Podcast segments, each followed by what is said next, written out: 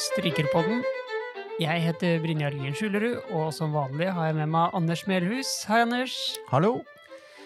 Ja, gjenåpning, studiestart, sesongåpning, publikum i salene. Det går rette veien nå, gjør det ikke det? Ja, samtidig går smittetallene i været også. Så det er jo litt spesielt. Men eh, det er ganske forskjellig eh, start på høstsesongen i år enn det var i fjor. Heldigvis. Og nå har vi jo veldig mange store prosjekter eh, som har blitt utsatt fra tidligere. Så det har vært eh, bra trøkk nå i starten, syns jeg. Det har det, og man ser også at publikum er flere enn før. Jeg, jeg har egentlig ikke fått med meg hvor mange det er lov å ha i salen, men det var i hvert fall mange som var på konserten vår i går. Det var det jeg også stussa litt på. det. Er det lov å ha så mange nå? Det var kult. Ja, kanskje det ikke var lov. Nei, um, nei, det var veldig hyggelig. Og når du også spiller stor symfonisk musikk som vi ikke har gjort på kjempelenge, Romeo og Julia, Prokofjev, så er det veldig mye følelser som, som skal ut. Og man kunne egentlig merke på at det var lenge siden sist at man har følt et sånt stemning i salen da, mellom publikum og orkester. Da. Ja, det var, det var godt å kjenne på. Ehm, jeg har jo også hatt det ekstra hektisk den uh, sesongåpningen her, for jeg fikk jo plutselig en ny jobb slengt over meg her. Uh, som eh, lærer på konservatoriet i Tromsø. Og skal ha fire, fire studenter i år. Og det er jo kjempespennende. Så eh, litt hektisk nå i starten, men eh, det går seg nok til etter hvert. Og jeg tenker eh, at det kan gi meg mye godt stoff til podkasten, tror du ikke det? Ja, du har jo fått en kjempemulighet her til å bidra med mye godt i podkasten fremover, selvsagt, og Ja, ja. at det kan inspirere deg i egen utvikling òg. For det er vel sånn at man uh, lærer sjøl av å undervise andre. Ja, jeg tror man lærer minst like mye selv som studentene lærer, i hvert fall i mitt tilfelle. Eh, Men vi skal, ikke, vi skal ikke snakke bare om oss eh, i dag. Vi skal eh, rett og slett snakke om fortolkningstradisjon. For i likhet med barokkmusikken, som på en måte hadde en slags renessanse på si, 70-80-tallet med harnonkor og den nederlandske barokkbevegelsen, så er det jo mange nå som mener at eh, det samme bør skje med den romantiske tradisjonen. Men kanskje vi har glemt hvordan vi egentlig bør, eller i hvert fall kan, eh, tolke romantisk musikk. Eh, og en av de som eh, virkelig har forsket på det her, og, og som kjemper for det, er eh, Are Sandbakken. Og eh, han har jeg tatt en prat med. Det var dessverre litt sånn komplisert å få dratt til Oslo for å prate med han, så det er, tatt på telefon. Så lydkvaliteten bærer litt preg av det innimellom, men jeg tror det skal være godt mulig å høre hva han sier, for han er en av de mest velartikulerte personene jeg har vært borti. Eh, også veldig lett, eh, et veldig lett intervjuobjekt, siden han egentlig bare prater. Så eh, her kan dere nyte intervjuet med Are Sandbakken.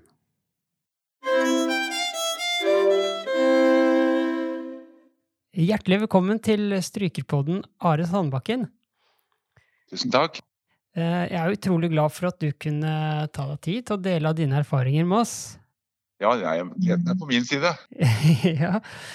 Eh, Kan ikke du bare begynne med å fortelle litt om deg selv og barndommen din, oppveksten med instrumentet og ja, Begynte du med å spille fiolin, forresten?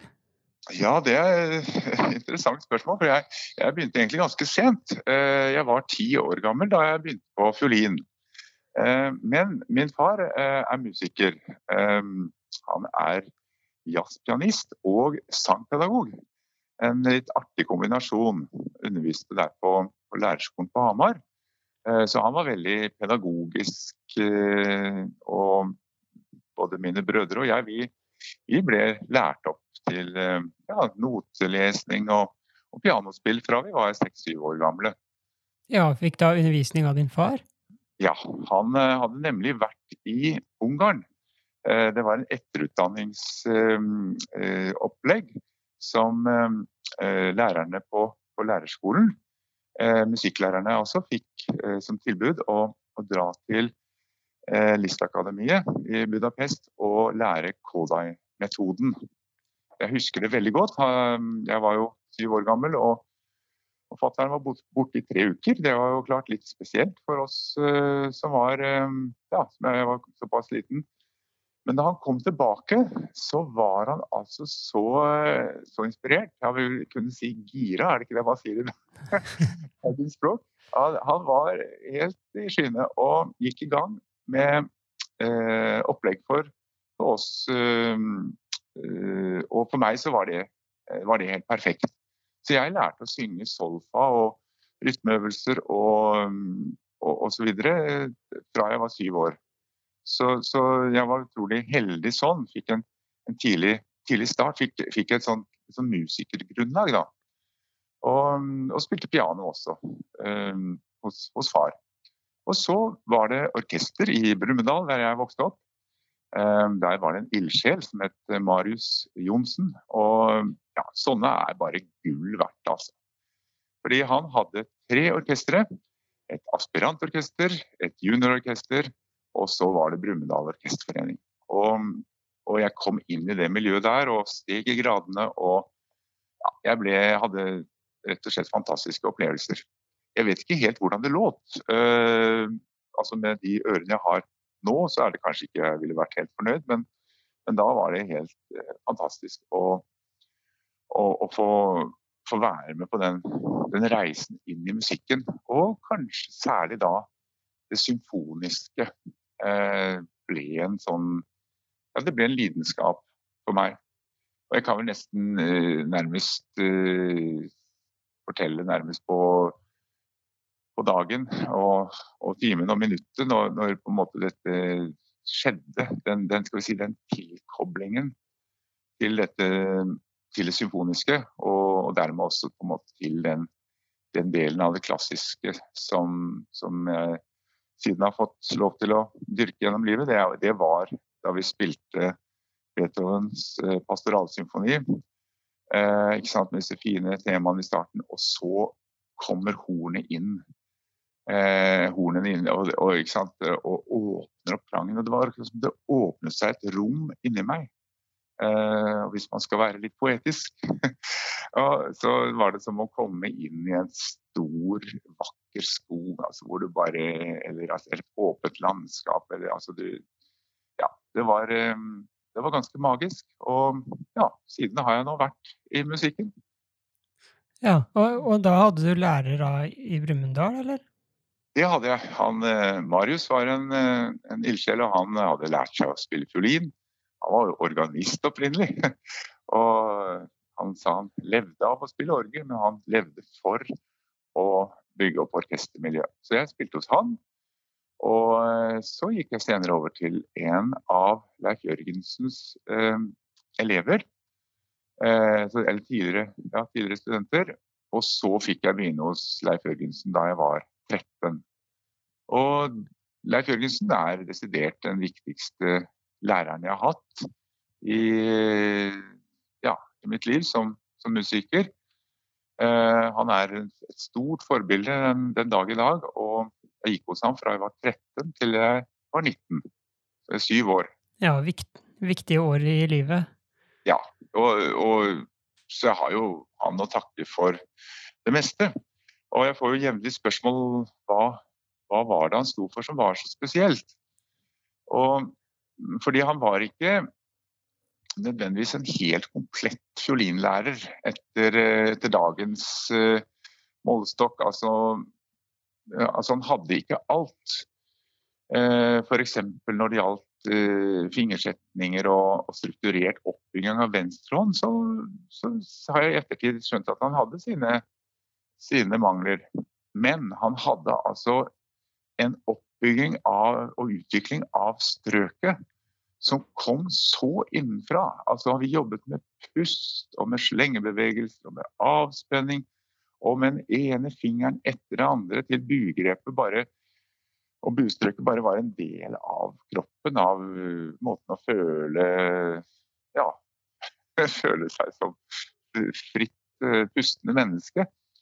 Um, og han fortalte selv at det var da han satt i Filharmonien, han spilte jo der i mange år, hvor mange av hans eldre kolleger slet med spenninger og ikke minst da med strøk, ikke sant, liksom forknytte bue uh, ja, måter å bruke buen på. Så, så uh, han bestemte seg for at han ville virkelig gå inn i dette her og, og, og gi videre det beste altså som han selv hadde utviklet. For han, han selv hadde jo et, et bra strøk, og, og, han dyrket dette her. Og så var det jo hans musikalitet som var fabelaktig. Han var jo en romantisk type musiker. Og det er vel litt av det vi skal snakke om etter hvert her. Eh, han var en, en, idealist, og så hadde han enorm humor og innlevelse i hver enkelt student. Så alle ble jo utfordret, og det var jo mye latter og, og eh, altså, frigjørende atmosfære eh, som, som, nesten ingen i dag har. Det vil si, det er litt morsomt, fordi hans navnbror Leif, som trener verdens beste hekkeløper altså, ja, Leif Ova Alnes? Alnes. Han er morsom, da. Leif han, han har noe av det samme. Har alltid glimt i øyet og, og får leting etter individualitet hos mennesker. Og har noe av det der Det er litt artig, altså. Det er liksom den nye Leif. Ja, det er morsomt du sier, for jeg har alltid vært litt nysgjerrig på hvordan Leif Jørgensen egentlig var. Jo, men du, er, Leif Alves er faktisk Jeg tenkte på det, jeg så programmet om disse to. Jøss, der har vi jo nye Leif. Altså. For det, det er, eh, det er den glimt i øyet, og det er jo veldig seriøst i bunnen. Og man skal ikke gi seg før man har nådd toppen, men, eh, men man skal leke seg. Og, og det, det, var noe av det viktigste. Og så var det holdningen til det symfoniske. Altså, han sa til oss da vi var sånn 13-14-årsalderen, og når jeg sier oss, så i den gjengen der så var det hele Vertavo-kvartetten. Det var Ellen Flesjø som spiller i Grieg-trio. Det var eh, Geir Inge Lotsberg, det var Jon Gjesme, det var eh, Hans Gunnar Hagen, Kjell Tomter. altså det Folk som siden har virkelig eh, ja, fått det til. Han, han la et sånt uh, grunnlag. Og han sa til oss at dere må, bli, dere må virkelig stå på og bli gode. Det skal ikke være noe slapp av. Det var ikke noe kjære mor, altså. Vi skulle bli så gode som overhodet mulig. For da kan dere kanskje få jobb i et godt orkester. Og da kan dere være med på å løfte løfte fram ånden i Brahms og Malers symfonier. Og på den måten være med på å frigjøre noe godt hos de som hører på. Og det er klart, Når du får høre det når du er 14-15 år gammel, da er ikke orkester noe du havner i liksom, uh, som en jobb for å ja, ha noe å leve av. Da, da, er det et mål. Og Den gangen var det fortsatt en del pedagoger som, som underviste på en annen måte. Nå må du stå på og bli kjempegod, for da kan du kanskje vinne den og den konkurransen. Og da kan du bli solist sånn som den og den. Men du vet, da er fallhøyden veldig stor, altså. Eh, for hvis du da ikke vinner den og den konkurransen, og blir solist som den og den, ja, da er det ikke noe igjen. Mens, mens den gang så var jo det var jo jobber til alle sammen, altså. Som satset og hadde nok talent. Nå har jo pendelen heldigvis snudd i, i eh, tilbake til orkesterfokuset. Fordi de aller fleste forstår at ja, men å skulle kunne leve av å være solist, det er jo så å si umulig. Så bare det å få en, en god orkesterjobb er jo en profesjonell orkesterjobb er, er i utgangspunktet noe veldig flott. Så, så, jeg tror nok uh, Leif ville vært glad når han ser at nå er det en, en sunn holdning til orkesterspill. Men den gangen så var det, ble det nesten sitt litt med på av disse her solistiske pedagogene, som det jo fantes flest av. da. At, at Leif Jørgensen kunne utdanne til orkestermusikere, nei, det var liksom lavere i hierarkiet. Men eh, Leif hadde en, han hadde en glød. Altså. Og så var jo han jo kammermusiker. Han spilte jo i Hindar-kvartetten som førsteviolinist. Og, og, altså, ja, det var virkelig pustende og lekende, lekende musisering altså, det de sto for. Og samtidig var de jo på et teknisk eh, litt lavere nivå. Og det var litt morsomt da, da en journalist kom bort til Leif Jørgensen og spurte han eh, Da drev han og underviste Øyvor Volle, som nå er konsertmester og pedagog i Göteborg, og for øvrig fiolinist i Vertao-kvartetten. Spurte han, da, eh, spurte han Leif eh, spilte du også Sibelius fiolinkonsert da du var 13 år gammel. Nei, det gjorde jeg ikke. Men jeg hadde heller ikke så god lærer. det hadde du helt rett i. Og jeg tror at det var noe av den der drømmen om den store musikken, og, og at han hadde måttet selv kjempe for å komme opp på et brukbart nivå. For det fantes jo ikke omtrent noe utdannelse. og Dette er jo noe Arve Tellefsen også eh, forteller om. Eh, Arve er jo nå en levende legende og, og kan jo se tilbake på ja, nettopp den tiden da de ikke hadde noe tilbud. Altså. Så Arve Tellefsen ble jo knallgod eh, til tross for eh, tilstanden som var. Altså, det manglet jo fullstendig musikkskoleopplegg og, og, og høyere utdanning. Og. Så Leif var sånn sett en, en pioner. Og, ja, og han døde dessverre altfor brått tidlig. Han var jo i ferd med å slå igjennom i Europa da han bare ja, fikk, uh, fikk hjerneslag 60 år gammel. Så, men du verden, han har satt enorme spor, og jeg er dypt takknemlig. Og jeg har bilde av han her på veggen på mitt rom på Musikkhøgskolen og ser på det hver dag. Og, sånn bilde hvor han står sammen med sine kamerater Harry Kvebekk og Karsten Andersen, som han jo drev Ungdomssymfonikerne sammen med. og her har han pekefingeren mot de to andre og tydeligvis fortalt en vits. For da er det så glimt i øyet at ja, man blir i godt humør bare å kikke på det. Ja, han har virkelig satt sine spor i norsk musikkliv. Ja. Eh, men eh, du dro jo videre etter at du hadde gått hos Leif Jørgensen. Det stemmer.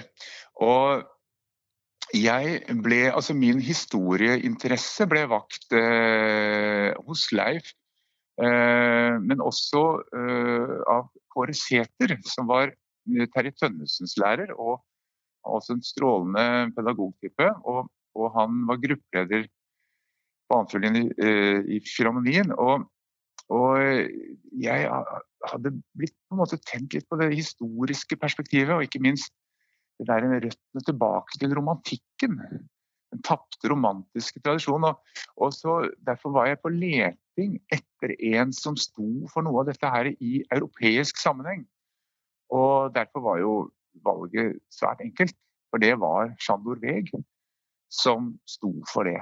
En ubrutt eh, europeisk tradisjon. Altså, Veg var jo da 80 år gammel da jeg dro ned for å studere hos han i Salzburg i Østerrike. Og uh, han hadde som helt ung studert med en av Josef Joachims beste studenter.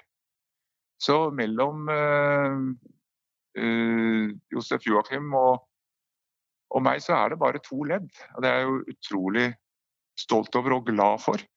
Um, han formidlet så mye av det gamle. Og han, mot slutten av livet så var Jean Doreg veldig eh, opptatt av dette. Og, og, han brukte jo egentlig mye av undervisningen på å fortelle. Og det kunne jo bli av og til nesten litt vel pompøst og, og ja, på grensen til nesten litt selvforherligende. Altså, jeg er den siste som bærer nå denne tradisjonen, og min lærer studerte med, med Josef Joachim, og jeg har spilt med Casals og osv. Men uansett, eh, man kan si mye rart om og ikke minst om mennesket Sandor Reg, og dermed også pedagogen. Altså, han var jo en, en ustabil eh, type. Eh, egentlig ganske fryktinngytende når han var på det verste. Eh, altså, ja, som, som, Toscanini, ikke sant? som bare er villig til å, til å, til å skjelle ut folk rett fra leveren hvis det ikke er slik man ønsker seg. musiseringen. Eh, for Veg var jo også dirigent. Eh, han hadde sitt eget kammerorkester, og det var helt suverent, altså. Hvordan han formet musikken. Det er står for meg fortsatt som de, de største øyeblikkene der. Det, altså Kamerata Akademika eh, Salzburg, som Jean Doré glemt. Og jeg kan fort anbefale alle disse plateinnspillingene, og det finnes også nå på YouTube. Der finnes det også for øvrig eh, noen eh, kutt fra, fra, masterclass med Jean Doré. Det er også veldig fint, eh, men det var særlig hans, eh, hans eh, måte å forme musikk på som var eh, utviklet i en tid hvor eh, skal vi si, avantgardismen og, og, det atonale eh, hadde ikke slått rot. Schönberg hadde riktignok laget sine, sine, første verker og, og, og sånn, altså første atonale verker. Men, men, du kan si fortsatt så var det jo liksom Wagner-tradisjonen og, og, i arven fra Brahms som, som, som Chandor Weg hadde vokst opp med og som hans lærer da dyrket. Uh, og det kjempeinteressante var jo at, at Wegs lærer, uh, Hobay, som var en stor fiolinist, han var jo veldig imot denne kollegaen, litt yngre kollegaen, Bella Bartok, som, som skrev altfor disponerende musikk og ødela mye. Så det var, Mens Veg han tok jo delvis parti med Bartok, så han, han på en måte formidlet til oss både det nye og det gamle. Altså det nye var jo da Bartok. Det jo, var jo selvfølgelig heller ikke ny musikk lenger, men, men, det å få innblikk i en sånn tidsånd som, som Veg eh, representerte, det var, eh, det var på en måte å utdype mye av det som Leif Jørgensen sto for. Så jeg er utrolig glad for det. At jeg fikk oppleve det. Ja, det høres eh, ut som en spennende tid. Ja, men, men gæren. Altså det, han, han, og han var som sagt villig til å gå over lik. Så, masse historier som, som viser hans eh, skal vi si, mangel på psykologisk innsikt. Så, men, altså, men samtidig jeg vil si nærmest genial. Altså. Og jeg har jo også hatt gleden av som medlem av Det Norske å spille med folk som Rostropovitsj, som var jo et eventyr, ikke sant. Og, og, og samtidig en sjenerøs og hyggelig mann, altså. Eh, og, og, Veg, han var, jo, han var jo 15 år eldre enn Rostropovitsj. Eh, altså født 15 år før og, og sto for noe enda eldre, da. Og hadde, slik jeg ser det, enda kraftigere utstråling. Så hadde Veg oppført seg litt mer normalt og anstendig i alle, i alle, sammenhenger, så ville han jo vært uh, sjefsdirigent for et av de største orkestrene. Tvil, altså. Men uh, fikk du noen gang uh, merke hans vrede personlig? Mm, ja, nei, altså Jo, jeg husker han ropte ut en gang til bratsjgruppa Habt ihr denn doch kein Seele? Har dere ingen sjel? men det var det nærmeste jeg kom, altså. Men, eh, men man så det liksom på nært hold. Altså Ja, nei, det var det.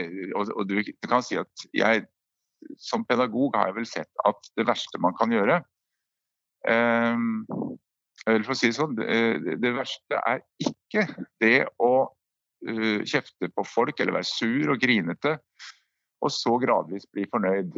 Sånn som jo enkelte tradisjoner. altså Nei, nå må du begynne helt fra scratch. Man føler seg som et null, men så bygger man opp noe, så får man kanskje til slutt ros. Men det verste, det er hvis du kommer og får høre at ja, du har en fantastisk framtid. Du er et lysende talent. Og, ikke sant? og så, tre uker senere, får du høre hvor er ditt talent blitt av? Du er en idiot. Ja, helt riktig så ille var det jo ikke. Jeg overdriver kanskje litt nå, men det var, det var, litt det, altså. Hvis han var i godt humør, og du hadde en god dag, eh, kanskje litt heldig med repertoar, så ble du altså rost opp i skyene, altså. Og mens da andre ganger så kunne han ha vondt i magen, og da var det hans soleklare rett å la det gå utover oss. Så vi ikke hadde noe skyldfølelse for det. det er litt sånn, da, kan jeg si. Den Ja. Men eh, var det sånn at man var redd for å gå på time eller på orkesterprøve? Ja, det er litt morsomt at folk som da hadde, eh, hadde faktisk eh, vunnet konkurranser, også internasjonale konkurranser, kom og skulle ha med Veg, og da var det alltid full klasse. Det var liksom 20 stykker som satt og hørte på.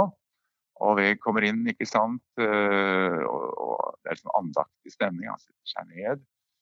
Og så kommer da noen unge, strålende instrumentalisten kommer opp og spiller og har litt uskjelv. Altså. Så, så du kan si at det var eh, ja, nei, det var en, det var en sånn ekstraordinær tilstand. Uh, han var uh, en du verden, altså. En, en karismatisk uh, kunstner som, eh, som var helt av den gamle sorten. Og dessverre, når vi leser om disse store maestroene fra fortiden, de, de, var jo, de var jo noen tyranner. Så å si alle sammen. Så det var vel Bruno Walter som var den første som brøt med, med det. Furtwängler var vel også en relativt sympatisk ut fra sammenhengen, i hvert fall. Eh, Men ellers så Og Herbert Blomstedts ideal var jo eh, Walter, og, og, og, fra, fra med Bruno Walter, ikke minst Herbert Blomstedt, som en sånn ny type dirigent, altså som spiller på lag med orkester, så, så har vi fått en helt ny tradisjon. Og det er sannelig bra. Og samtidig så må vi ikke miste galskapen, altså. For av og til er den forbundet med eh, noe av dette her. Altså de som tør å hengi seg så til sitt prosjekt at de ikke klarer å se noe annet. De blir selvfølgelig da usympatiske, og man må av og til prøve å sette dem på plass, eller man må ellers holde seg unna dem hvis man ikke tåler det. Men så, man også, så får man også av og til utrolig mye tilbake. Eh, Jeg ser en parallell til eh, Ingmar Bergman i, innenfor teater og film. Altså han var en, han var en regissør som overkjørte folk. Det lå lik i lasten. Det er veldig trist. Og samtidig så må vi bare si at det ble genial kunst. Og de, som, de fleste av de som fikk jobbe med han, de, de sier jo at ja, det var verdt det. Så ja. Men dette var ikke en forsvarstale for drittsekkoppførsel, altså. Nei, for det, er, det burde ikke være nødvendig. Og, altså, Leif Jørgensen det er vel et bevis på at man kan være hyggelig og likevel få frem veldig, veldig gode Ja, akkurat. Og jeg vil jo si at Maris Janssons eh, Ja, du opplever det også, han, gjorde du ikke det? Ja, så vidt. Ja. Altså, han var ekstremt krevende, men, men han, han gikk heller ikke Han gikk ikke over lik, han. Altså, I hvert fall ikke som jeg har fått med meg. Så, så det er mulig å være ja, virkelig kompromissløs når det gjelder kvalitet, og samtidig holde seg innenfor rammen. Det, det er jo selvfølgelig idealet. Eh, men vi må også passe på, liksom, på at det ikke blir for snilt. Altså. Eh, og særlig dirigenter. De må, de må tørre å stå for ting. Altså. Og heller tåle å ikke bli reengasjert. Så, for det, hvis vi skal liksom drive og pakke inn eh, kunsten eh, så, og tenke på alle disse komponistene vi spiller, altså, de hadde jo en diagnose, så å si alle sammen. Det hadde vært interessant å be en, eh, en psykolog se på brevene til mange av de store komponistene. Ja, ja. Det er helt klart at de ville Så jeg tror det er bare Hayden og Mendelssohn som går fri. Og, og det er, De komponerte fantastisk musikk, men du kan si at de er jo også i musikken sin snillere enn enn alle Ja, jeg har nærmest tapetsert veggen min her. Er de på ikke sant, rekke og rad? Beethoven, Mozart, Bach, Brahms, Schubert. Alle de, Og Schumann, ikke minst. altså Alle de hadde hvert sitt syndrom. altså. Men uh, har du en favoritt av dem? Åh, nei du. Det er eh, Å nei, du må ikke spørre meg om det. Altså, ja, og hvem skulle man tatt med til Ødøy? Nei, jeg, jeg, det er sånn at hvis det har gått et eh, mer enn et år, eller i hvert fall hvis det har gått mer enn et år eller to uten at jeg har spilt eh, noe av Bach eller Mozart eh, eller Beethoven eller Schubert eller Brahms, men også faktisk Grieg, så jeg må bare ta disse her. Men, men også Haydn er vel eh, så, så hvis jeg har gått for lang tid uten at jeg har spilt noe av dem, da, da bare må jeg spille noe av dem. Altså det er, da, det er vel det som kanskje er kjennetegn på at jo, man kan ikke leve uten, i hvert fall ikke lengden. Og, Altså, alle er uunnværlige. Ja, altså det Ja. Det må jeg vel nesten si, altså. For det, ja, skal man være et helt, helt menneske, holdt jeg på å si, det blir jo kanskje feil, men en hel musiker, så, så må man på en måte ha kontakt med disse her. Det er ikke tilfeldig at de er de største. Men uh, nå, før vi forlater studietiden din uh, helt, har du en favorittøvelse eller etyde som du kan anbefale lytterne? Ja, der må jeg bare si at noe av, fantastiske, av den fantastiske arven fra Leif Jørgensen, det var hans arbeid med pust. Så noe av det jeg blir kjent for, og noe jeg håper jeg kan bli husket for her på NMH, når jeg den dagen jeg må taues ut herfra og ikke får lov til å undervise mer fordi jeg er blitt for gammel, da er det at Og det er han med pusteøvelsene, det. Um, så studentene de smiler når jeg kommer med det. Men de er også veldig glad i disse pusteøvelsene. Fordi det handler om først få kontakten med, med måten man står på, og kan slenge litt med armene osv. Og, og så sammen med innpusten Løft armene i en sirkel opp i været, og så dypt puste ut mens man, mens man da lar armene flyte ned. Gjerne kan man ta det jeg kaller et svalestup, altså i utpusten at man da at man lar hele overkroppen bøye seg. Så armene kommer helt ned til gulvet. og henge, La armene henge, og så dypt innpust hvor man da trekker armene opp igjen og kjenne på den kraften og flyten i utpusten og avspenningen, og så overføre det til grunnstrøket. Og at alltid begynner man utpusten, og så kommer tonen. På løse strenger. Og jeg kaller det grunnstrøksmeditasjon. Og det gjør jeg selv eh, ti minutter hver morgen. Det vil si først gjør jeg disse puste- og slengeøvelsene. Og så er det grunnstrøk. Og dette har jeg fra, fra Leif Jørgensen, og, men også andre. Altså Tabea Zimmermann, eh, som jeg hørte masterclass med for noen år siden.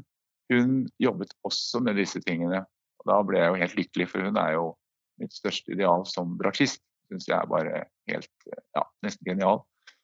Og hun jobber altså aktivt også med dette. Så det anbefaler jeg i tide og utide. Og på Strykeforum så da treffer jeg strykerne på bachelor hver uke. Og da gjør vi dette her som sånn liten sånn pauseøvelse, et par minutter, eh, før vi går videre i opplegget. Så de gjestene pedagoger som er innom Strykeforum, de blir veldig paff når jeg går fram og sier før neste student skal spille, så må vi ta vår størrelse. Og da blir gjerne eh, gjestepedagogen med og, og syns dette er morsomt. da. Men eh, hva, hva, får man ut av det sånn rent eh, instrumentalt? Eh, ja, instrumentalt så Nå er det jo slik at kropp og sinn hører sammen. Så jeg tenker jo at kroppen også er et instrument. Og, uh, så jeg vil si at, at vi får mer oksygen til hjernen. Vi får følelsen av mer jevn flyt. vi blir mer fokuserte. Og så helt konkret, så bruker jeg det eh, for å enten få mer tyngde eller mer flyt. Og det er veldig morsomt, for kommer det da en student som faktisk har ordentlig bra tyngde Som regel så har, har man jo ikke nok tyngde, men det er noen som faktisk har det, og det er veldig gledelig. Eh, det er noe jeg f.eks. sliter litt med, men, men flott, da har de det. Men da trenger de gjerne mer flyt. Buen står gjerne litt stille og graver litt vel ned inn i strengen. Og det kan bli litt uh, vel komprimert og ufri klang. Og da bruker vi pusten til å frigjøre. Og da kan det gjerne være litt raskere strøk, men da på, på pusten alltid. Så du kan si innført et ord som rommer dette her. Og det er eh, eh, tyngdeflyt. Jeg ble helt lykkelig da jeg skjønte at ja, disse to ordene de kan jo kombineres til ett ord. Så skrev jeg det opp på tavla. Da studentene kom inn på rommet, så, så, var det overskriften. Så kan man da plukke fra hverandre og fokusere enten mest på tyngde, hvis det er er det man trenger mest av, eller på flyt.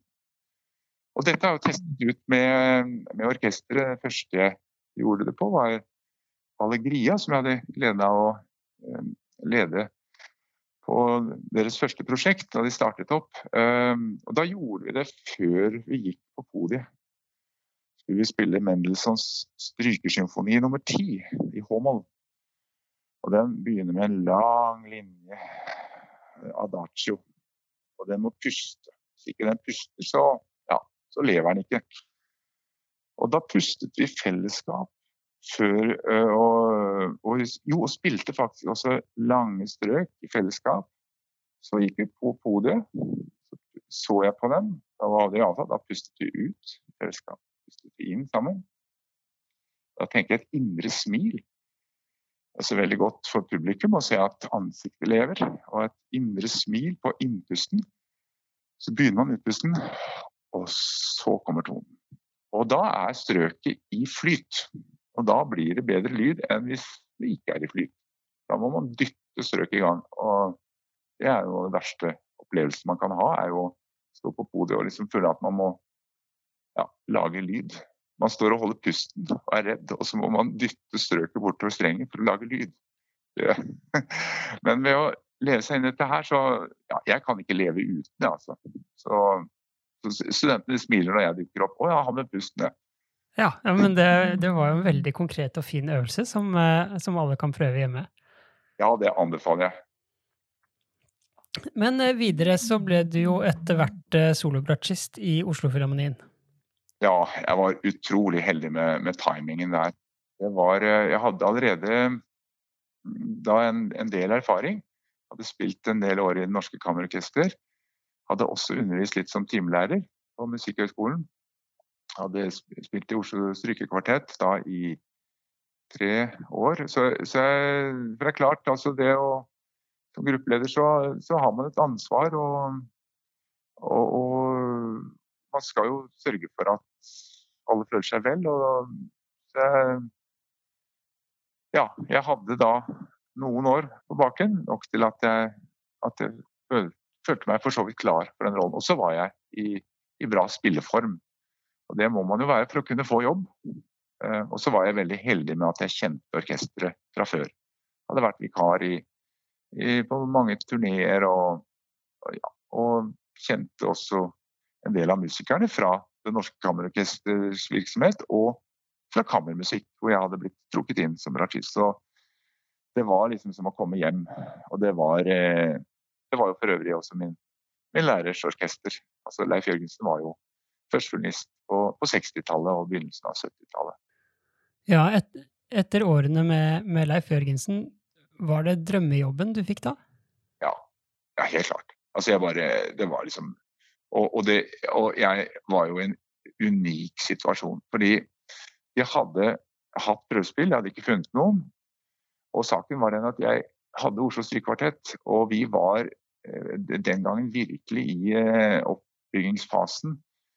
Eh, vi hadde kommet til finalen i den største kammermusikkonkurransen i Europa, og, og, og, det ville være feil å, å kutte ut kvartetten.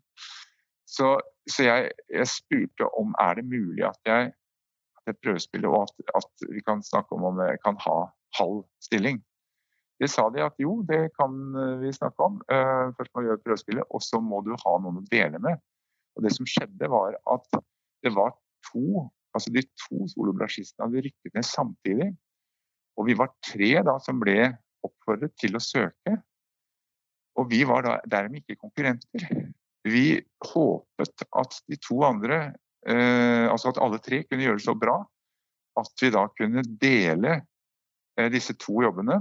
Så det var Nora Taksdal som da fikk den ene jobben, full stilling. Så var det Henninge på bratsj, eh, altså hun som spiller spilte i Vertalkvartetten, altså Henninge Landås. Eh, og meg, som da delte, kunne dele på den andre. Og med god planlegging og alltid sørge for at, at vi det var dekket opp på eh, turnéukene med Maris Hanssons osv. Så, videre. så det var en, en, drøm å få samarbeide med Nora og, og Henninge. fordi da Nora hadde permisjon, så dekket Henninge Inge og jeg opp mye. Da spilte jeg litt mer enn uh, hva som var tiltenkt. Og, og, nei, var, og, da spilte vi også delvis sammen, så, så jeg har vært ufattelig heldig. fordi altså, det er mye som kan skje i forbindelse med prøvetid og prøvespill. og Det er mye psykologi. altså Vi, vi har jo ikke trenet nødvendigvis i den biten. og så, og så var det selvfølgelig et fantastisk tidspunkt å komme inn i Oslofilharmonien på. Det var Marit Sandsons uh, landsperiode. Det var de, jeg fikk med de fem siste årene hans som sjef. Og det, nei, det var helt unikt. Så, ja, jeg visste at jeg var med på noe stort. Og jeg visste også at uh, Jeg hadde begynt å være litt sånn coach for unge dirigent, uh, dirigenter, altså dirigentstudenter, som ønsket å lære mer om prøveteknikk og uh, hvordan bygge opp strykegruppe osv. Så så jeg har satt i system alt det jeg lærte av Maris Jansens prøveteknikk. Det er et foredrag, et times foredrag, eller en presentasjon kan vi si, så, som jeg holder hvert år for dirigentklassen. Så, og jeg er så glad for å se at at, eh, de norske dirigentene de har virket De har lært av, av Maris Hansons. Altså, Peter Silva jobbet jo tett på Maris en, en, en, lengre periode. Ole Christian Ruud satt i orkester som klarinettist. spilte med han. Bjarte Engeseth var uh, assistent en periode. Eivind Oddan var på masse prøver, hadde også spilt med han. Og I tillegg at jeg da har fortsatt å formidle videre til dirigentene. Så jeg ser at det med prøveteknikk det er noe som har førsteprioritet hos de norske dirigentene. Og sånn var det ikke før. Altså. Og så der har, der har Maris Hansen satt sine, sine si, evige spor. Dette kommer bare til å fortsette. Og Ole Kristian Ruud, som, som dirigentprofessor her på NMH, han, han, jobber masse med dette her. Altså at man skal ikke kaste bort et sekund foran orkesteret.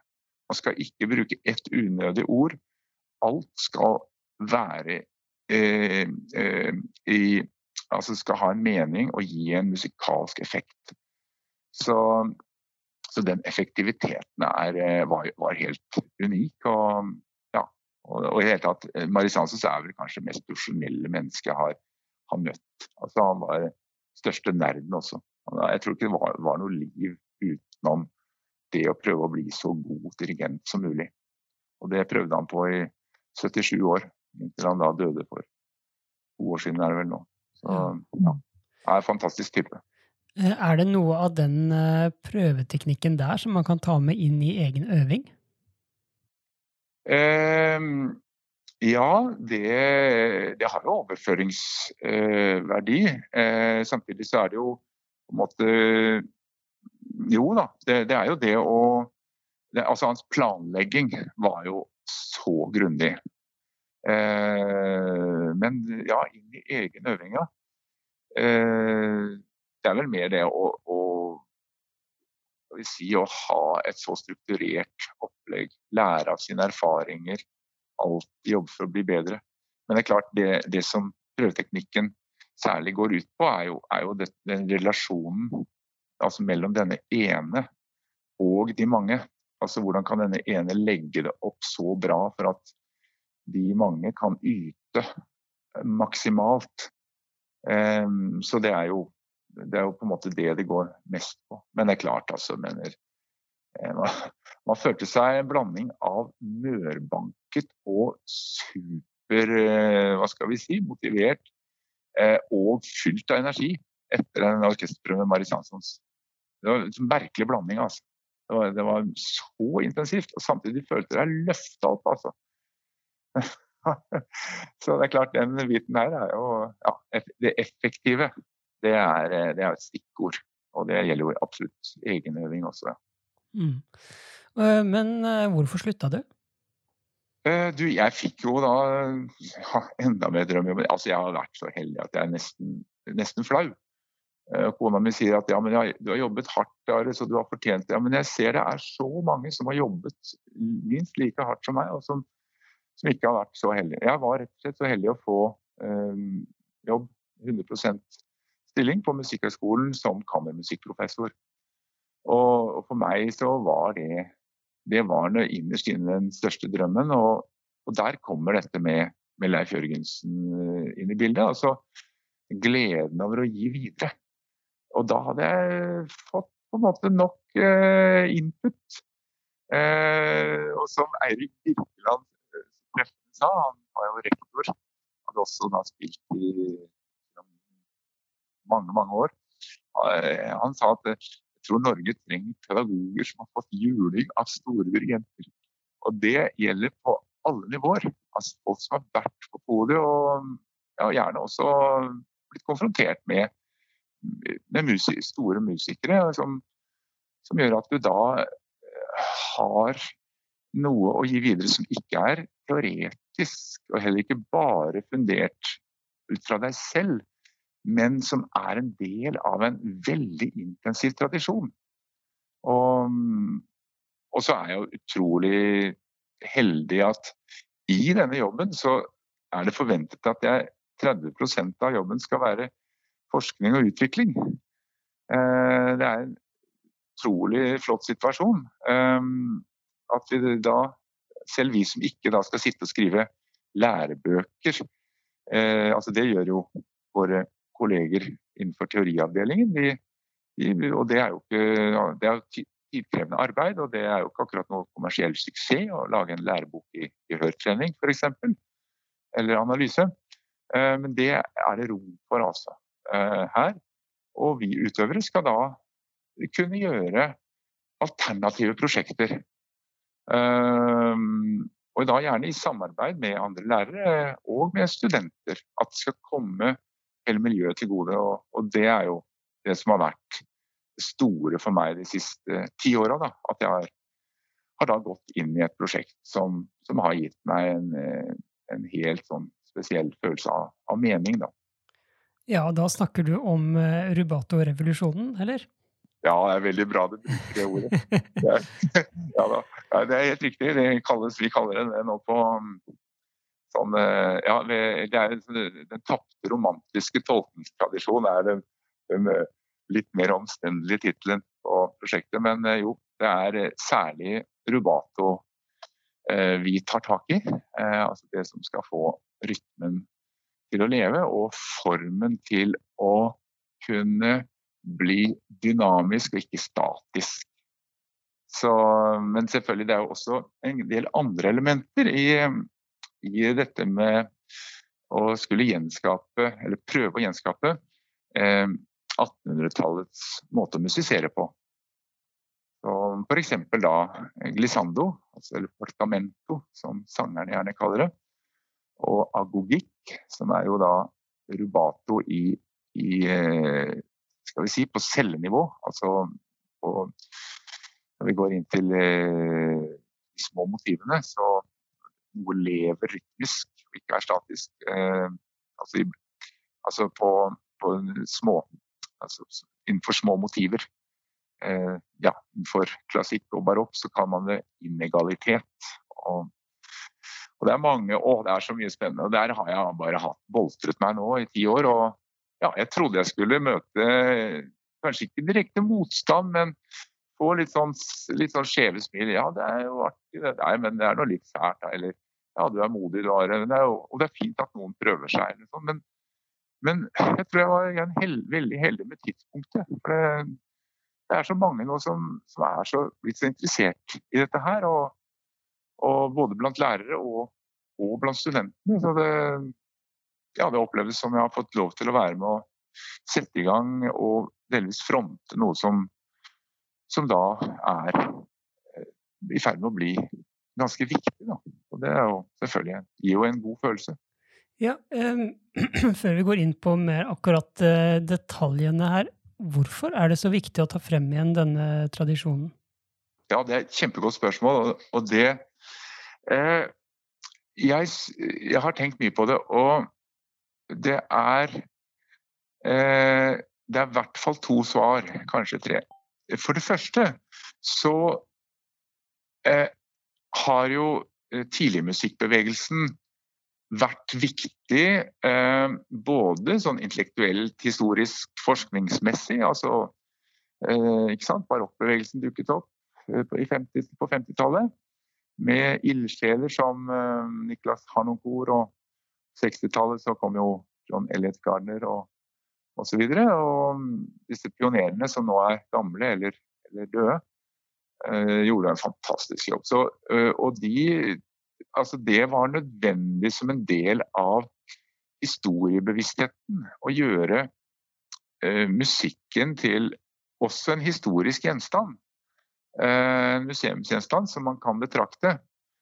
Eh, og samtidig så er jo ikke det det de fleste musikere og tilhørere syns er det viktigste.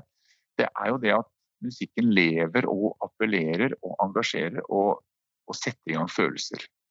Og, og det gjorde det jo også. Um, og så sto disse pionerene på. De tok for seg Mozart på 70- og, og 80-tallet. Mozart Heiden Og Beethoven har nok hvor gikk i gang med Beethoven med det europeiske kammerorkesteret. Eh, på 80- og 90-tallet. Eh, og det var jo, da levde jo fortsatt Karajan. Så, så det var det var viktig som en sånn motpol. Og vi kan også si at den klassiske og, og, altså barokket og klassiske musikken hadde stivnet, trengte en fornyelse. Og den kom i den formen. Noen av de eldre musikerne syntes dette var stas, andre syntes det ikke var fint i det hele tatt. Skal ikke ha lov til å vibrere engang nå. Hva er dette her for noe? Men vel, eh, du kan si det har fått lov til å utvikle seg på, etter hvert på, litt på sin egen måte. Eh, og så har da slaget om tidligromantikken Det sto liksom sånn på 90-tallet, år 2000-skiftet. Schumann ble spilt inn på plate av eh, Gardiner, og Harnoncourt begynte å dirigere Bruckner eh, og Brahms. Og nå skal jeg være dønn ærlig og si at jeg syns de bare har delvis lykkes. Jeg syns det er flott at de tar utgangspunkt i noe av det barokke og klassiske, klassisistiske. Eh, nettopp det med agogikken, altså inegalitet, at man får musikken til å snakke. Men ingen av de, og nå er jeg veldig streng her, altså, jeg syns ingen av dem virkelig får musikken til å synge. Og den type snakkesynge. Eh, og de har heller ikke lyttet til gamle innspillinger. For det som jo skjedde eh, og Nå ble dette et veldig langt svar på hvorfor dette er viktig. Eh, men altså det, da, da, det romantiske dukket opp, så var det viktig altså egentlig av samme grunn som at barokkbevegelsen og den klassiske bevegelsen var viktig. Vi trengte en fornyelse. Men vi trengte også en sterkere emosjonell tilnærming. Eller en bredere eh, tilnærming, og dypere. For det som jo hadde skjedd, var jo at eh, den romantiske eh, hadde, Vi trodde vi hadde den, og så kom da disse her det klassiske utgangspunktet og, og gikk litt inn i det. Men de tok ikke helt tak i det jeg mener er hovedånden, altså det sangbare. Det som lever som, som, poesi, som poesi. Altså, det er en kontrast der til det barokke og, og klassistiske. Eh, I noen grad, mener jeg. Det skjedde et brudd på 1800-tallet, og det mener jeg er viktig. Altså, det er både historisk viktig at noen da prøver å gjenskape det romantiske på en ekte måte, som nettopp som en levende museum, en gjenstand vi kan betrakte. Um, og Samtidig byr meg litt imot å si det, for det, hva i all verden skal musikk være en, en objektiv gjenstand som man betrakter? Vel, syns det er fantastisk at musikk også kan være det. Det kan også være et forskningsobjekt. Men det er ikke derfor jeg gjør dette. Jeg syns det er viktig at noen gjør det. Virkelig går inn og lytter til de eldste plateopptakene. For der kan vi høre det. Og Den første som gjorde det fullt ut, var jo vår egen Sigurd Slåttebrekk. Han er for øvrig i ferd med å få jobb her nå på Musikkhøgskolen, så det er jo helt suverent. Eh, for han gjenskapte Griegs eh, plateopptak fra 1903. Han jobbet så eh, på innsiden at han etter hvert kunne spille som Grieg. Og alle de nyansene han fant fram, det var en bragd. Og så var det mange som tenkte ja, men i all verden, bare imitere. Jo, men så overførte han det han hadde lært, til andre verker av Grieg. Og da ble det sannelig spennende. Fordi det låt helt annerledes enn dagens mainstream. ikke sant? og ikke minst da når vi da har gjort dette med orkester. Og der kommer det følelsesmessige aspektet. For meg er det viktigste. Altså det historiske, ja, det er viktig. Så det er første punkt. Noen må virkelig ta og forske dette her, for det trenger man. Å gjøre en grundig jobb. Finne ut hva er hovedtrekkene med hvordan man faktisk gjorde det. Eh, jeg er litt sånn struktur, glad i struktur og kanskje litt pedant sammenlignet med enkelte av mine kolleger som er, eh, er mer opptatt av ikke forstyrre det intuitive. Og for all del, jeg beundrer så intuitive. Det er det viktigste. Men jeg liker også å sette ting litt i system. Så de smiler nok litt av meg, disse, mine kolleger. Men, men, ikke sant? Ok, men her har vi faktisk i noen grad et regelverk. Og, så Det syns jeg også, som sagt er viktig. Men så er grunnen hvorfor det er viktig. Jo, for dette vekker til dels andre følelser, og til dels, jeg vil si, dypere følelser hos mange musikere og hos mange tilhørere. Og for å være helt konkret, det som skjedde var at med Toscanini så fikk vi en, et fokus på presisjon. Og virkelig følge noteteksten. Altså Han var et geni på sin måte. Han rensket opp Eh, for det er klart, innenfor rubato-tradisjonen var det også en del slurv og føleri. og en del dirigenter eh, og musikere som tok seg så til rette at de nærmest forandret eh, karakteren. og ja, De forandret på instrumentasjonen og ofte. Og, og, ok, Så litt tilbake til, til originalen var viktig. Så, og så kom Herbert von Karajan med verdens største og feiteste klang kjempevibrato. Så fikk vi ideen sant, om eh, sant, The Fat Tchaikovsky Sound. Og hører du altså da Leopold Auer, opptak fra 1920, eh, tror jeg det er. Eh, spiller, nei, 1915 er det. Han var Tsjajkovskijs gode venn og spilte jo fiolinkonserten. Og hører han spille med nesten li, veldig lite vibrato, masse rubato og masse glissando. Og det er virkelig ikke, overhodet ikke den ketsjupsausen som, som da Berlinfilharmonien og det, altså Nå snakker jeg negativt om dette her, det, det burde jeg ikke. Det er et fantastisk orkester. Men når de spiller Brahms slik de har gjort da under Karajan, og fortsatt i noen grad gjør, så, så, så, er det veldig annerledes enn når vi hører på disse eldste opptakene. Og det kan være litt uvant når man hører det første gangen. Jøss, det var da veldig mye frem og tilbake. og og klangen er ganske, ganske slank. Og, men så hører du det en gang til, og så tenker du at ja, men i all verden Den der litt sånn statiske, tunge, feite som man da liksom man brer ut, og smånotene skal alltid synge, og trioler skal liksom Særlig den tredje triolen ta, ta, ta, ti, la, ta, ta, ti. Ikke sant? Som vi har vokst opp med og vibrerer på hver note. Og Det er liksom det romantiske. Men så oppdaget jeg at vel, det er en del av den romantiske tradisjonen som egentlig er veldig ny. Som egentlig har forandret seg litt. Man gjorde rytmene stivere, men så la man det i en veldig bredde i klangen. Så man vant noe, men man tapte det svermeriske, det lengtende, det pågående. Og ikke minst det rubaterte, fleksible. Og ett sted har det overlevd, og det er hos Wienerfilharmonikerne når de spiller Johan Strauss. Og kan man tenke seg Anders Schønen Blauen framført uten alle den rubatoen som de gjør? Ikke sant? De trekker det i gang. Sånn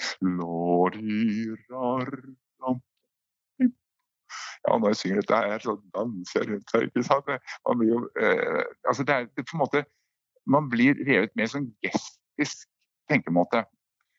Mens det forsvant jo fra måten å spille Brahms på måten spilt Dvorsak og Grieg, og dessverre også Johan Svendsen, som jo led, har lidd forferdelig under tapet av denne måten. Fordi alt ble på en måte så saklig. Sto det ikke noe rubato, nei, så la oss spille det streit. Alt i samme tempo. Og så kjører vi på med, smører vi på med tjukk klang. Og det er klart, Brahms overlever jo i kraft av sin fantastiske eh, kontrapunktikk. Eh, han er jo en helt genial komponist.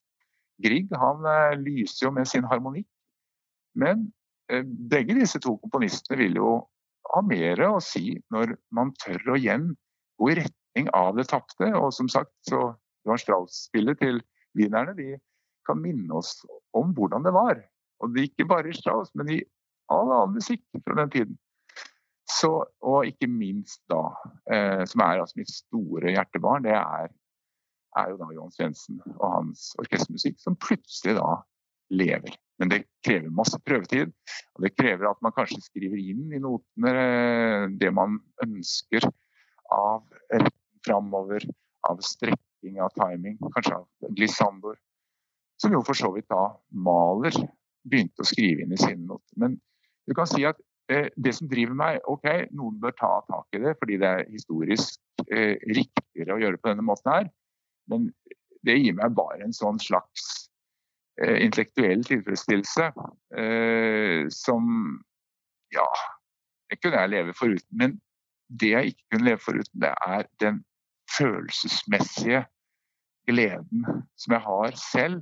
Og så blir jeg jo selvfølgelig lykkelig når jeg merker at også en god del kolleger deler denne, denne, denne følelsen av, av, av glede. Og, og så er det som også en kollega sa, at ja, nesten uansett hva du hadde gjort med denne musikken, så er det bra at du gjør noe. For nå har det stivna så, så, så, lenge at nå, nå, må vi bare få fornyelse fra et eller annet sted. Og det er jo også en måte å se det på. Så, men, men, det er det at, at jeg rett og slett eh, har en, en, en stor følelsesmessig glede av å gjøre det. Ellers så, ellers så hadde jeg ikke gjort det bare eh, Jo, da hadde jeg gjort det bare eh, altså, Da hadde jeg avslutta prosjektet, da, for å si det sånn. Da hadde jeg allerede gjort de oppdagelsene. Og, og så er jo det dokumentert med noen lydopptak. Og så vil man gå videre og kanskje tilbake til en mer mainstream av i dag. Eh, men hvordan kan vi nå få levendegjort denne tradisjonen igjen? Ja, altså eh, Jeg må bare si at eh, ja, takket være den eh, invitasjonen som jeg fikk fra dere i Tromsø for, for et år siden, så, så jeg var jo, jeg må innrømme, jeg var jo for det første veldig glad, men samtidig litt engstelig. hvordan en ting er at jeg herjer på her med studenter, og de, de protesterer jo ikke. Og, og de syns det er gøy, men de har jo ikke så mye å med. da. Men det at jeg fikk mulighet til å, å teste det ut, den Rubato-uka som vi hadde sammen, og det ga meg veldig blod på tann. Og jeg tror at det ikke lar seg stoppe nå. fordi altså, Henning Kragerø har jo dette her i høyeste grad. Altså, han har jo hatt det i alle år. Og, og, og, og dyrket det. Han har, har ikke satt det liksom i system. Ja, han syns nok jeg er litt pedantisk, og det, det, det syns jeg er helt greit at han, at han mener. fordi Eh, han, han, kan jo også alle disse tingene, og han ønsker å bruke det intuitivt. Og, og, og det er fantastisk. Så det, han går jo i høyeste grad denne veien. Også Morten Karlsen, som er jo professor i full stilling her, han svermer for dette her. Vi holder foredrag hvert år sammen for alle annetårsstudentene på utøving. Så det er ingen som slipper unna. I tillegg så har vi her på NMH nå Eh, Erlend Hovland, som er eh, musikkhistorielærer, som også alle studentene har. En virkelig karismatisk foredragsholder og en skikkelig barsking. Og han er veldig på dette her og mener at skal musikkhistorie ha noe betydning, må det være for å vekke utøverne til å spille med levende. Og han mener at kilden ligger i de aller eldste opptakene og i den måten å gå inn i det, det romantiske svermeriet. Altså hvor ting ikke står stille, og ikke er på en måte bare plantet ned i en trygg, klanglig, litt firkantet eh, rytmisk tradisjon. Men, eh, så han eh, på sin måte Og nå har vi altså fått Sigurd Slåttenberg som kollega. Og stadig flere av kollegene de, de, spør om de kan få være med på dette. her, så Jeg tror ikke det lar seg stoppe. altså. Og studentene de får jo da jobber. Jeg har kontakt med en som fikk annen konsertmesterjobb i Bergen. Eh, Mari Halvorsen ringer av og spør hvordan går det med rubato-tradisjonen. Og, og det, er så, det, er så, fint å ha kontakt med dette og, og håper at det snart kan liksom komme en dirigent som kan ta tak. Fordi det er nemlig nok å ha to-tre medlemmer i et orkester som er kjempeivrige på dette her, og kunne invitere en som kan jobbe med det. Eh, fordi, eh, og da har jeg Stavanger symfoniorkester som eksempel. Det var da de hadde sin revolusjonerende eh, hva skal vi si, satsing på, på eh, tidlig musikk. Altså spilte Hayden og Mozart og Schubert eh, uten vibrato og med alle disse stilgrepene. Eh, Frans Bryggen ble deres sjef. Så var det utgangspunktet at det var to entusiaster i orkesteret som, som, hadde gått sammen og tenkt at ja, men hva om vi får med de andre på dette her? Så kan vi skape en profil. Og så kan vi bli noe spesielt. Og de fleste var nøytrale. Eh, de fleste orkestermusikere er åpne for alt som er bra. Og de fleste syntes dette hørtes jo litt artig ut. Så, eh, og dermed er Så jeg tror at det er et tidsspørsmål. Men det er klart, når du spør om hvordan ble dette her Jeg har, jeg et veldig ønske om å, å komme og holde Jeg lager nå et foredrag om Grieg og Svendsen i den romantiske tolkningstradisjonen. Jeg har jobbet med det nå et snart halvt år.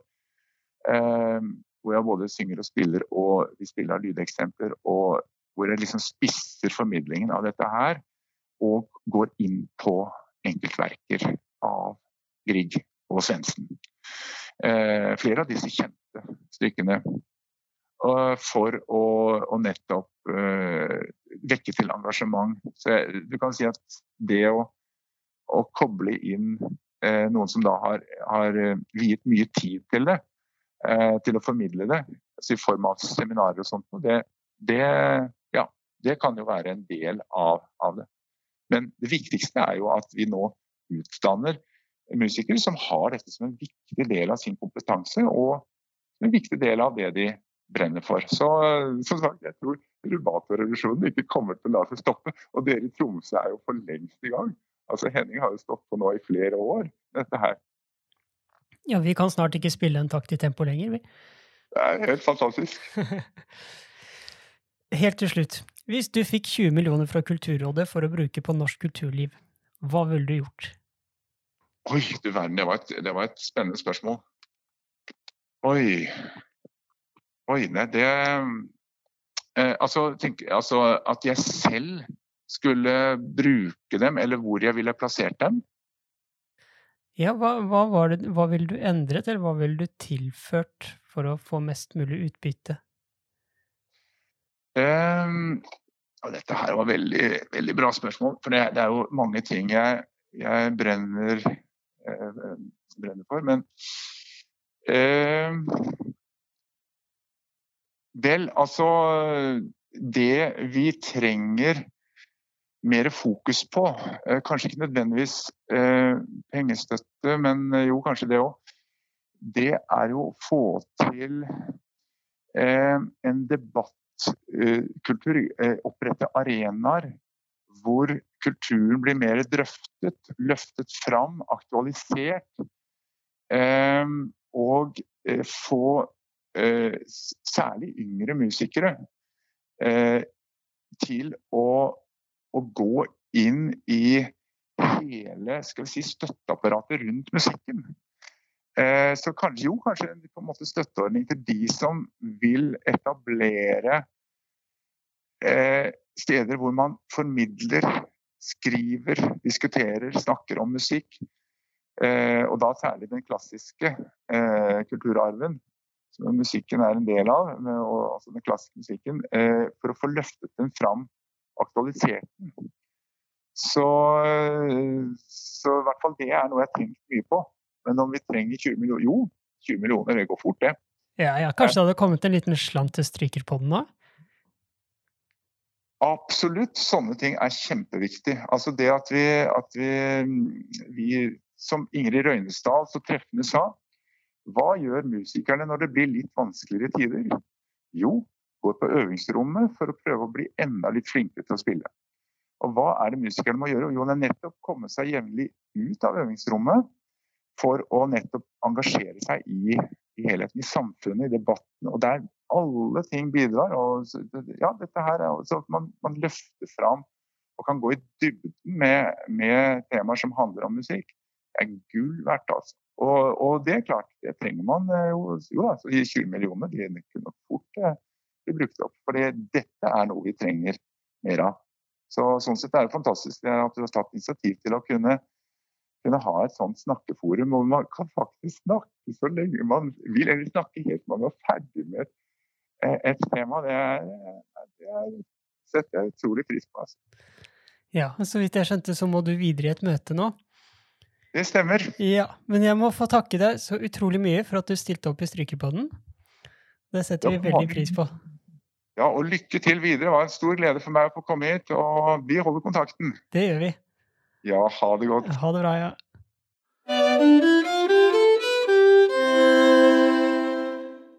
Ja, Rubato-revolusjonen, Anders. Ja, det, jeg applauderer ethvert uh, forsøk på å gjøre noe. Ikke sant? Man må stadig videre. Det er veldig flott å høre at, uh, at uh, Are er så inspirert med ja, det her. Det, det, er inspirerende i seg selv. Ja. ja bare, bare, hør på den setningen her som du hadde bitt deg merke i her. Jeg, jeg måtte skrive den, det var så fint sagt av Are. Dere må virkelig stå på for å bli gode. For da kan dere få jobb i orkester og kan være med på å løfte frem ånden i Brahms og Malers symfonier og frigjøre noe godt i de som lytter til det. Ja, det er vakkert. Det er vakkert. Jeg kjenner meg litt igjen i akkurat det der han eh, innom eh, Ja, at orkesteryrket ikke nødvendigvis hadde den store statusen i, i utdanninga. Ja, ja, så eh, kjenner meg igjen i det, for så vidt. Eh, jeg vet ikke, jeg skal ikke skylde på lærerne for det. Det kan godt hende at eh, vi studentene var vel så selvopptatt og fokusert på bare å bli best mulig å spille fiolin, uten at vi hadde egentlig så veldig mye fokus på hva vi skulle bruke det til. Men ja, men det, det, det var kanskje noe med den samla kulturen, at man merka på en eller annen måte at det er det var et sånn mangel på bindeledd. Det er kanskje annerledes i dag. Eh, det er jo mye som gjøres nå blant orkestrene også, eh, mer og mer, at man tar inn musikere som er i utdanning, til å liksom Hei, kom hit og, og få smake litt på profesjonelt orkesterliv og hvordan det er. Ja.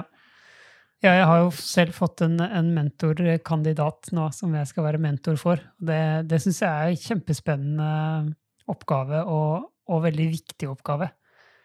For jeg husker, jeg husker, selv når jeg begynte å vikariere i de profesjonelle orkestrene, det var ikke mye tilbakemelding man fikk.